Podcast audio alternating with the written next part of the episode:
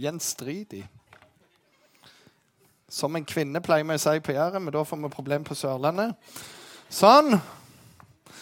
OK. Eh, I dag skal vi ha en veldig bra tale, men la oss eh, starte. Det blir veldig interessant med slidene mine på den der. Eh, jeg hadde i sommer en 15-årsbursdag for min datter. Og samtalen dreide seg plutselig i retning av at det var ei som var gått i klassen, som nå gikk på en annen skole, og faren hennes hadde vært håndballtrener for disse jentene på Gimletroll. Nå var han trener på det andre laget, og det var ikke Randesund. Men det de satt og fortalte hverandre rundt, det var jo at denne faren visste om alle svakheter visste om alle spilleopplegg og visste om alt disse jentene kunne og ikke kunne. Og derfor så vant den andre klubben alltid over dem. Og faren var den store, stygge ulven. Og det var ikke måte på hvordan han brukte bakgrunnsinformasjon bare for å slå laget. Så begynner jeg å spørre dem da. Ja, dette er andre laget. Hvor mye trener de? Nei, De trener fire ganger i uka. Og dere trener av og til to. Ja. Og i sommer så trente de fortsatt stort sett tre-fire ganger i uka når de ikke var vekke. Og folk hadde et egen treningsprogram. Hva gjorde dere? Nei, vi har hatt fri. Ja. Ja, men han vet våre svakheter, og det er liksom Woo!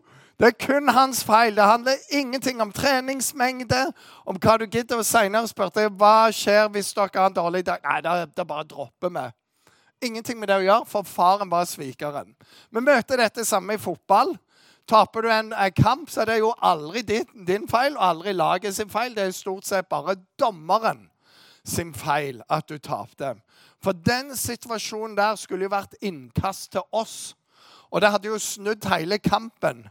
Så, ja, men Stillingen var 0-7 på det tidspunktet. Det er liksom, Nei, men det er dommeren. Det er alltid noen andre. Det kan ikke være meg. Og så blir vi jo gjerne kristne, da. Og vi blir jo fri for det. Det eneste er av og til vi på sånne taler som eh, som de treffer, liksom, og så sitter du og tenker ja, den talen der burde den ha hørt. Den talen hadde gått rett inn. Der var det noen sannhetsord til de. I all vår åndelighet. Går vi til sjelesorg, så baktaler vi aldri. Vi har bare dette bønnebegjæret om en annen person. Og så har vi Og så er det en herlig ting når folk sier ja, folk får bare ta meg sånn som jeg er. De får bare tåle meg. Men hun der hun tåler jeg ikke, altså. Sånn som hun er. Og det bare, OK, her var det en kjempesammenheng.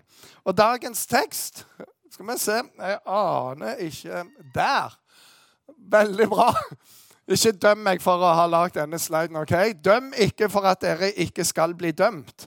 For dere skal dømmes etter den dom dere feller over andre, og det skal måles opp for dere etter det målet dere selv bruker.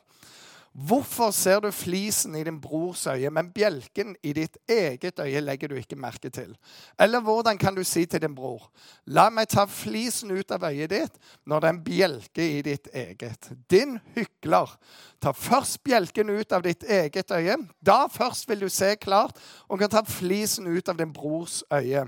Gi ikke hundene det hellige, og kast ikke deres perler for svin. De vil bare trampe dem ned vende seg mot dere og rive dere i stykker.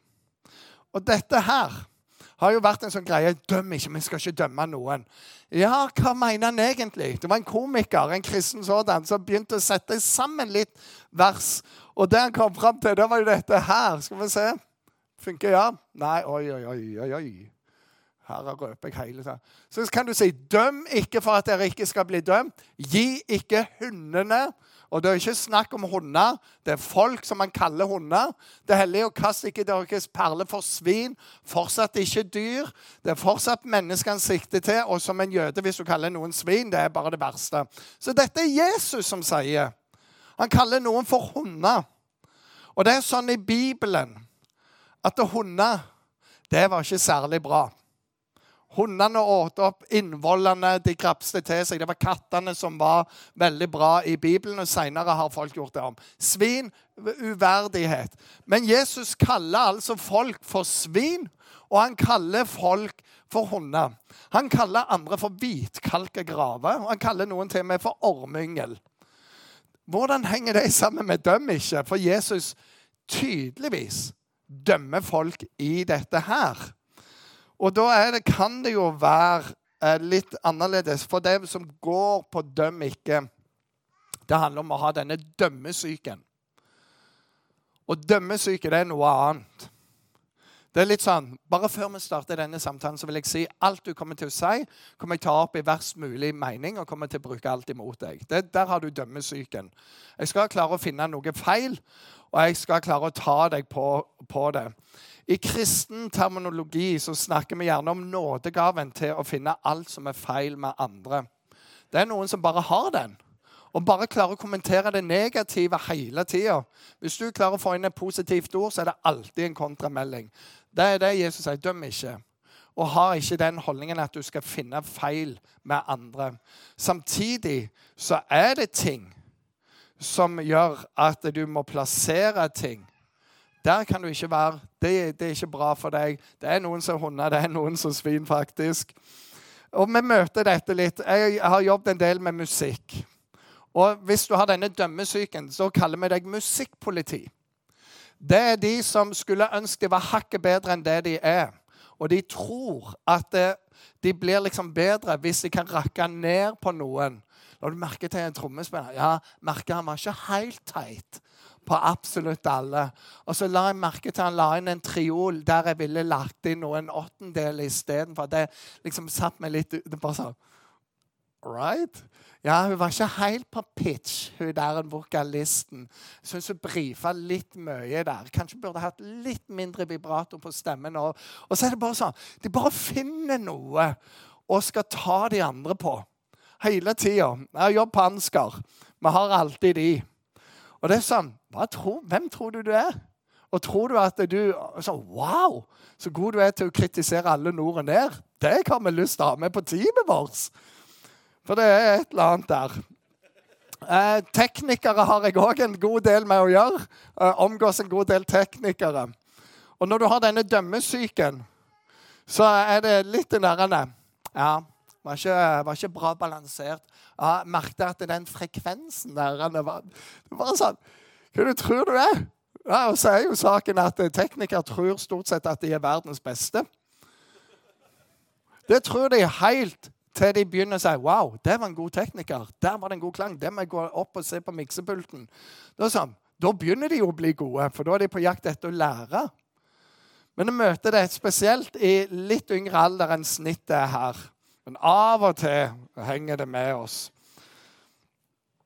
Og så møter vi det litt sånn inne i, eh, samliv, petimeteren. 'Å ja, du skal ut med gutta, ja. Ja, men da skal jeg ut her.' Ja, å ja, så du skal, ja, ok, men da skal jeg Og så blir alt sånn der. OK. Så, så, ja, OK. Ja vel. Greit, det. Jesus han møter ei dame som er grepen i hor, står det. Og det de har gjort, folka eh, de har tatt henne ut, tatt på fersken. Og det er utrolig nok at de ikke klarer å finne mannen, for det er kun damer de tar med. Sier noe om kulturen de lever i. Kaster henne ned for Jesus. De bryr seg nada om hun. Men de er full av dømmesyke, og de er full av hat mot Jesus. Og de vet samme hva Jesus svarer nå, så kommer han til å svare feil. Så ligger hun der, antageligvis rimelig naken. Folk har steiner klar. Og så sier Jesus hva sier du vi skal gjøre? Moseloven sier at det er kvinner som grep ord, skal vi steine til døde. Så hva mener du, Jesus? Og så tenker de Og så er det noe med Jesus som alltid er annerledes. Han Først svarer han ikke, og så blir de litt sånn irriterte. Så retter han seg opp, og så sier han noe veldig, veldig enkelt. Men når de fortsatte å spørre, rettet han seg opp og sa, 'Den av dere som er uten synd, kan kaste den første stein på henne. Og det, er kontrasten til dømmesyke. Og de forlater stedet én etter én. For alle har gjort noe galt. Alle trenger med nåde. Alle trenger vi litt godvilje i livet. Alle trenger vi at noen kan tenke den tanken. Ja, men det kan jo være at de ikke tenkte det så gale som dette her blei. Vi skal skille mellom rett og galt. Ondt og godt. Vi skal sette grenser. Kjærlighet er å sette grenser òg. Vi skal gi konsekvenser. Det er viktig for et menneske når det skal gjøre opp alt det som er galt, at det får konsekvenser. Det er utrolig viktig. Men ikke dømme syke. Og Det er det som er forskjellen her. Og det var dette Jesus eh, gikk inn i på dette. Vi går videre i teksten. Kommer til det som jeg syns er det mest festlige i dag. Og denne funker ikke helt. Hvorfor ser du flisen inn i brors øye, men bjelken i ditt eget øye legger du ikke merke til? Det Jesus gjør her, det er å bruke humor. Utrolig nok.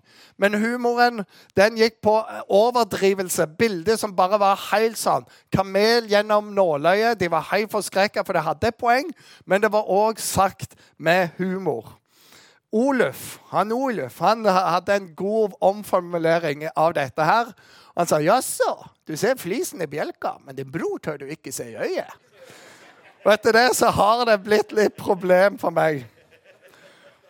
Og det neste jeg skal gjøre her nå Jeg sikter ikke mot noen, men jeg syns bare det er veldig interessant. Politikere i Kristiansand. Og det er ikke mot noen parti, det er bare noe med flis og bjelke her. Det var en politiker som sa at ingen bør kjøre i sentrum eller til sentrum. Vi må lage all parkering rundt. Rett etterpå så tar de jo henne i å kjøre i sentrum hele tida. Men hennes unnskyldning var jo men jeg skal jo levere en unge i barnehagen. Og det er ingen andre i denne byen som kanskje skal levere en unge i barnehagen eller bare skal levere noe annet. eller bare en. Det var unntaket. Og hun sto der fremst på barrikadene. Få parkeringen ut av byen, unntatt min. For jeg skal ha min unge i barnehagen. Det er en kjempebra. Det var et parti som har gått ut mot deltidsstillinger. Det er det verste som fins. Deltidsstillinger er et onde. Og så ansatte de da en person i 20% deltidsstilling inn i partiet.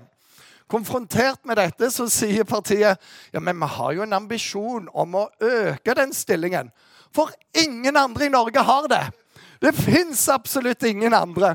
Og det er noe med disse tingene. Jeg, noe av min favoritt er likevel disse her. Vi vedtar mer bompenger i regjering. Men privat, der jeg kommer fra, der skal jeg gå i tog imot bompenger.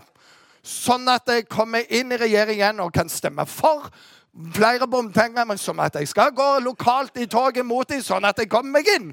Og det er bare sånn Wow! Dette er jo skikkelig bra. Men det er Og så kan vi ikke klandre politikerne.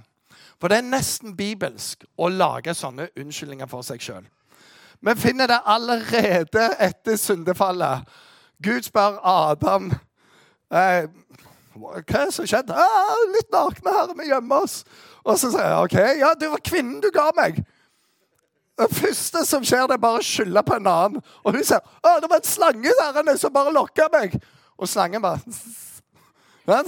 Men det er sånn Kain dreper Abel. Og hvis du lurer på hvem som er, så er det, det i Kain og Abel. Så har du hele greia. Og så spør han du, hvor er bror din. Er min bror vokter her? Så det er bare litt sånn unnskyldninger som han drar. Jesus har òg noen eksempler på lur for folk som eh, blir utfordra til å følge ham. Jeg har akkurat gifta meg. Passer litt dårlig å følge deg nå, Jesus. Jeg har fått noen nye okser ser du, som må ut og kjøre litt på de. jeg skal bare begrave noen først. Er de døde? Nei, ikke syke. Men, men jeg kommer, kommer etterpå, Jesus. Men det er bare noe vi gjør. Og så kan vi dra det til oss sjøl. For ofte det er noen som sier vi gir oss sjøl to plusspoeng når vi gjør noe godt, og andre får kanskje ett. Og hvis jeg gjør noe dårlig, så får jeg maks ett minus. For jeg kjenner jo alle omstendighetene rundt min egen akse. Mens andre de får minimum to minus. For de aner ikke hvor vondt det var mot meg sjøl. Og så blir det litt sånn vanskelig, dette her. Barna våre de synes jeg er, de tar kake på hele dette her. Jeg har jo unger i den alderen der det kommer ord og uttrykk ut. Og så sier jeg, 'Du kan ikke si sånn!' Og så finner jeg ut Det er jo det jeg sjøl sier. yeah, ok. Så hvis jeg skal fikse ungene mine sitt språk og oppførsel på en del ting, så må faktisk jeg endre meg. Og det er kjipt. Så jeg lar det bare stå til. De, mine unger er gode. Frelst av nåde. Ja. Men det er noe med pirke på andre. Og så er det dette selve bildet. da, Å se flis i øyet. Det fins jo ikke noe verre. Hvis du får noe inn på øyet Bare vent litt, skal jeg hjelpe å ta ut det der. Så det, er veldig, det må tas veldig ømtålig ut. Det er veldig vondt, og det setter seg fort. Nytter ikke med et sånt 'Jeg har et pinsett her.' Du må være veldig forsiktig. Det er noe av poenget. Det er smerte i det som ligger i livet vårt. Det er smerte i ditt liv, og det er smerte i mitt liv. Så la oss ta det med varsomhet. Jesus' sitt poeng er at vi må ha et hjerte for å hjelpe hverandre og ikke dømme hverandre. Se den andre sin smerte. Men òg å jobbe først med våre ting, og ikke alle andre sin ting. Det står dette eh, Jesus sier når en blind leder en blind, da ender begge i grøfta. Hvis du er på en flytur så sier jeg, faller oksygenmasken ned, så tar du på deg sjøl først, og så kan du hjelpe de andre. Vi så for noen måneder siden en av de største kristne ledere som har vært i verden, Bill Heibels, falt så det virkelig smalt. Og I kjølvannet av det så var det en som skrev en artikkel om hvor rare vi kan være. For plutselig blir alt han har gjort, alt han har sagt, det blir stygt. Og folk får denne dømmesyken og eh, hevngjerrighet og utestengelse. Veldig masse ting. Og så sier han, la heller det fallet være for oss en ransakelse av våre egne liv. Hvordan står det til med meg? Hvordan står det til med mine tilbøyeligheter? Hvor mye unnskylder jeg i livet mitt? Hvor mye tar jeg tak i egne svakheter? Lar jeg andre folk få tale inn i mitt liv? La oss ikke være en del av det hylekoret som er der og blir med og tar. For det ser stygt ut, og det er ikke bra.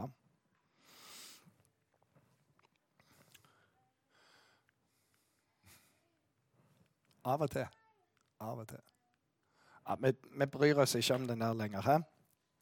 Det står La oss ikke lenger dømme hverandre. Døm heller slik at ingen skal få sin bror eller søster til å falle. Det er Romerne 14. Jesus hadde på en måte en bestekamerat i Peter. Bestekameraten fornekter han. Banner og steiker på at han ikke kjenner han. Og, og, Jesus vet om det. Og Jesus vet om at han kommer til å gjøre det før han gjør det. Og så sier Jesus i en samtale før Peter gjør alt dette her Peter, du kommer til å gjøre alt dette. Så sier han nei, nei, Jesus, jeg kommer ikke til å gjøre noe. Du kommer til å gjøre det, bare så du vet det. Nei, sier han. Og så sier Jesus, hør på meg, Peter. Når du en gang vender om igjen, så styrk de andre. Og Jeg tror Jesus gjorde det med vilje. For hvis det fallet er gedigent, men det må være et eller annet budskap som er planta inn der, som gjør at en ikke mister alt håp. Når du en gang vender om, så styrk de andre. Det er ikke ferdig med deg. Og så får Peter sin oppreisning. Han får snakke med Jesus. Får skvære opp. Og Peter blir en leder. Peter skriver noe i Bibelen og Noe av det han skriver i 1. Peters brev, er dette. Framfor alt så skal dere elske hverandre inderlig, for kjærligheten skjuler mengde synder. Han vet hva han snakket om. Framfor alt skal dere bare elske hverandre inderlig, for kjærligheten dekker over en mengde synder. Svik møtt med nåde for hans del førte til en trofasthet som er helt enorm. Og det er av og til sånn at hvis du våger å møte noen av disse svikene, disse nederlagene, det som ble feil, med nåde, med forsoning, så fører det til, til noe helt annet.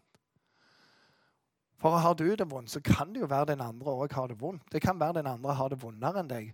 Veien tilbake kan være umulig å finne. Men du kan åpne ei dør og si 'kom inn'. Og det skjer noe når du mottar en nåde som du vet jeg ikke fortjente dette. Det skjer noe i det møtet der. Og Peter han fulgte Jesus resten av livet på en utrolig radikal måte. Og så, mot slutten, da, så er det jo sånn at denne bjelken som vi kan ha i våre egne øyne, den, den kan være utrolig vanskelig å gjøre noe med. Så hvordan skal vi deale med det? For det er lettere å begynne å plukke på de andre enn å jobbe videre med seg sjøl. Og så er greia den at Jesus han tok den bjelka med på korset. Han ble nagla til ei svær bjelke. For din skyld, for min skyld. For alt det vi har gjort galt. For alt det som blinder våre øyne.